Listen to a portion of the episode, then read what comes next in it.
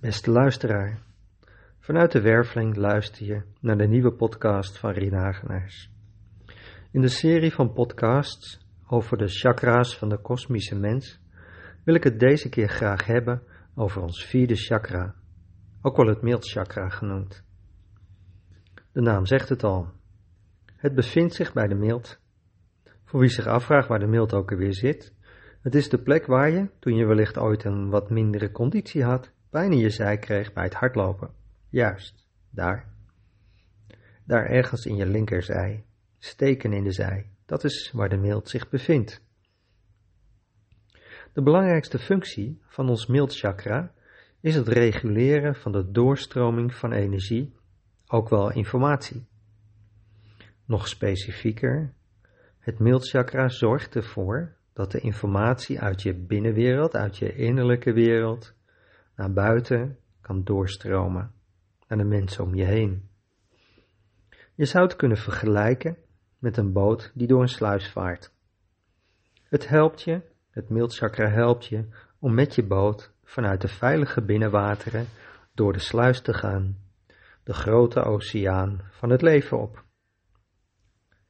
Je kunt je wel voorstellen dat dit voor ieder mens een uitdaging is. Immers, we zijn allemaal zielen die hier geboren zijn om iets unieks aan de grote oceaan van het leven toe te voegen. Iets wat er nog niet is en waarvan de meeste mensen vaak geen idee hebben wat dat precies is, laat staan hoe dit te realiseren. En toch doen we dat allemaal. Het is de onvoorspelbare loop van het leven die ons uitdaagt om te ontdekken hoe en hoe ver. Ergens zijn we allemaal een klein arkje van Noach met een unieke schat aan boord, die op de grote oceaan terechtkomt en dan op zoek gaat naar een nieuw stukje land om daar iets te realiseren.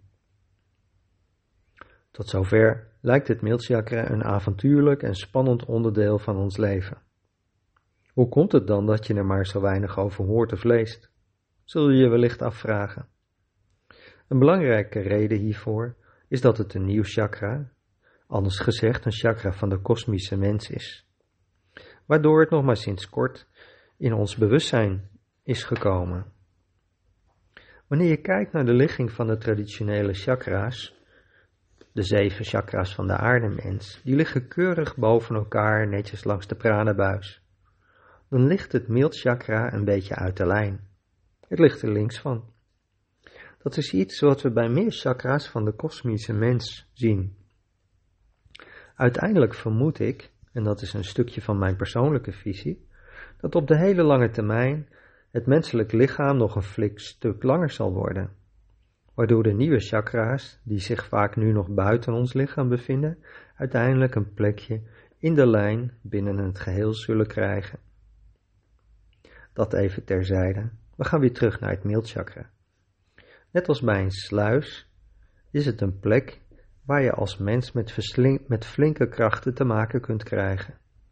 Want hoe groter het verschil tussen binnen en buiten, des te meer geduld vraagt het om het waterpeil op elkaar afgestemd te krijgen.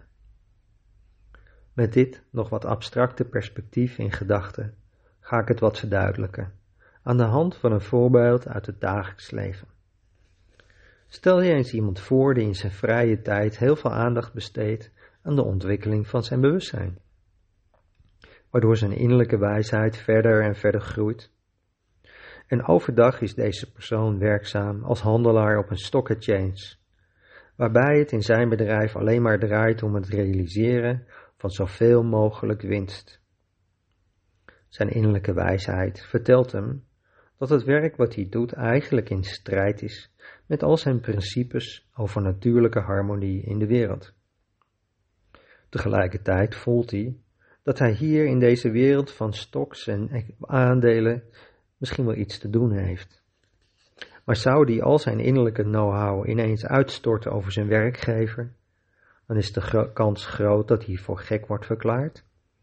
Of zou zijn baan al snel op de tocht komen te staan? De andere kant is helemaal niet doen met zijn innerlijke wijsheid. Dan is daar het mildchakra wat je helpt om in een voor deze persoon hanteerbaar tempo de innerlijke informatie naar buiten te brengen. Soms komt het waterpeil aan de ene kant wat gevaarlijk hoog te staan, dan is het nodig om te kunnen spuien. In het ene geval zal het energie op een andere manier afvoeren. Soms zal het de instroom van nieuwe innerlijke wijsheid tegenhouden. En soms zal het je naar een andere werkomgeving dirigeren. Bij het laten functioneren van deze sluis maakt het mailchakra gebruik van de modus van herinnering. Daar zitten eerdere ervaringen uit dit leven, die gebruikt kunnen worden om bijvoorbeeld energie naar een aandachtsgebied te sturen. In het voorbeeld van onze stockbroker, bijvoorbeeld naar een herinnering aan hoe zijn vader ooit met een vergelijkbare situatie omging. Een herinnering die deze persoon doet piekeren, zodat een deel van de energie daar kan worden afgevoerd. Net zolang tot het hoogteverschil tussen zijn innerlijke wereld en uiterlijke wereld genoeg is verkleind zodat hij op een voorzichtige en beheerste manier het gesprek aangaat met zijn baas over zijn echte ideeën. Oké, dacht je tot de werking van het mildchakra tot hier nog wel te overzien is? Dan maak ik het nu nog iets ingewikkelder. Ik neem je dieper mee in de wereld van het mildchakra. Iedere dag, elk moment, worden we als mens als het ware gebombardeerd met energieën. Zo is er de natuurlijke straling van moeder aarde. Als mens creëren we massastraling, bijvoorbeeld met onze wifi's, met onze zenders, met onze satellieten.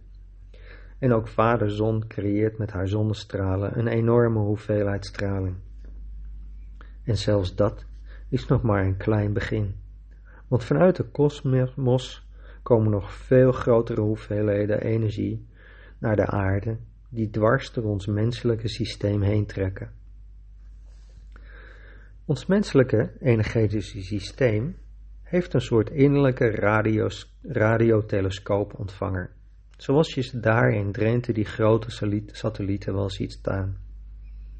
Hierin speelt het kosmische doorstromingschakra een hoofdrol. Vaak zonder dat we ons ervan bewust zijn, registreert ons onderbewustzijn allerlei informatie uit de ruimte. Heel veel ruis, maar een klein deel daarvan is informatie waarmee we in onze persoonlijkheid iets kunnen. Het kosmisch doorstromingschakra filtert deze informatie uit de lucht, stuurt het door naar het mildchakra en het mildchakra laat deze informatie gedoseerd onze persoonlijkheid binnenstromen. Zelf ervaren we dat als inspiratie of als nieuwe inzichten. Zonder het mildchakra zou deze hoogfrequente informatie zomaar ons zenuwstelsel kunnen verbranden.